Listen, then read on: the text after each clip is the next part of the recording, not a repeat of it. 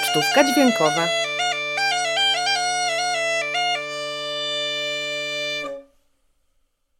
Moja historia z muzyką tradycyjną nie jest tak prosta, jakby się mogło wydawać, bo prawdopodobnie powinno być tak, że gdzieś usłyszałem oberki, to mnie zwaliło z nóg i już wsiąkłem na amen. Otóż nie.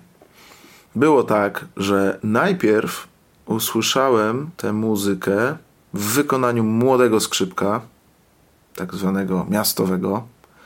Wtedy dałem się jej zupełnie oczarować i bardzo mi się spodobała. Nawet kupiłem wtedy skrzypce z tego powodu, chińskie, z Allegro.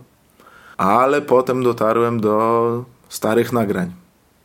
No i co to był za jazgot dla mnie? Co za chaos. Obraziłem się zupełnie i wróciłem do grania na gitarze elektrycznej, bo, bo stwierdziłem, że takiego czegoś to ja nie będę grał.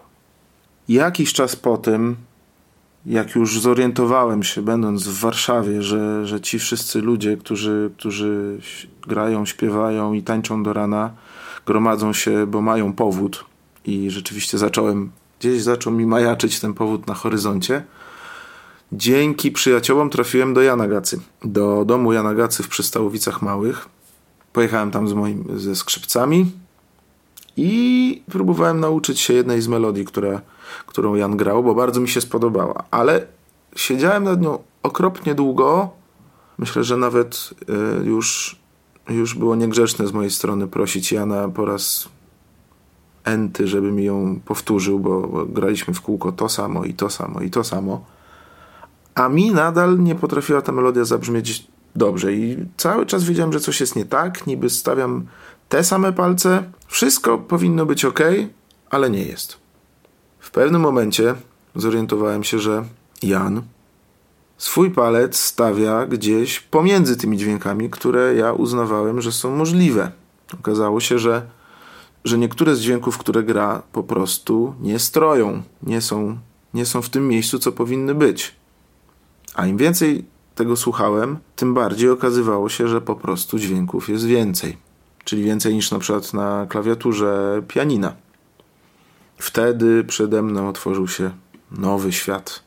Okazało się, że, że nagle potrafię wysłyszeć ileś dodatkowych dźwięków na skrzypcach, które, które, które tam są i które są w tych melodiach, a których nie da się zagrać używając klawiatury.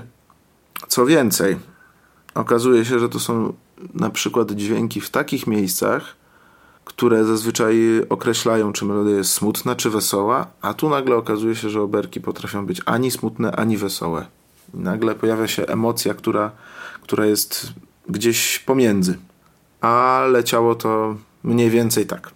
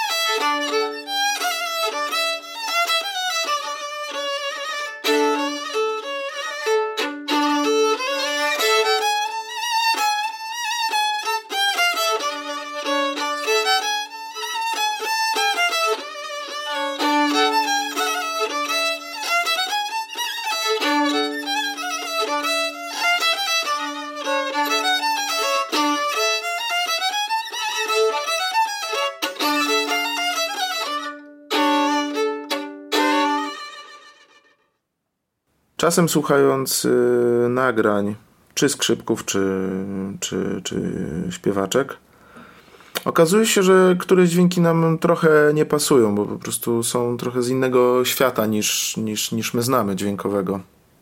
Namawiam więc do takiego, takiego słuchania wnikliwego, żeby dopuścić istnienie takich dźwięków do siebie. Sprawa jest oczywiście bardzo złożona, bo oprócz tego, że rzeczywiście w tej muzyce występują nietemperowane dźwięki, takie, których nie znajdziemy na, na klawiaturze, no to jest oczywiście też taka możliwość, że ktoś po prostu fałszuje. Więc, y, więc bardzo trudno y, jednoznacznie wskazać. Są takie przypadki, że w konkretnych miejscach słychać konkretny dźwięk zagrany tak intencjonalnie w tym miejscu i wtedy już, wtedy już mamy pewność, że to, że to nie jest fałsz, tylko, tylko zamierzenie tego, który grał.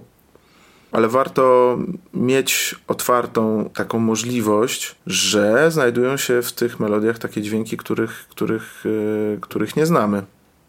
Powoduje to, że ta muzyka w różnych odsłonach brzmi inaczej, bo, bo, bo na harmonii na przykład już nie da się tych dźwięków zagrać. Dlatego ja tak bardzo cenię sobie muzykę na same skrzypce i basy i bębenek, bo dużo więcej takich niuansów można oddać w niej.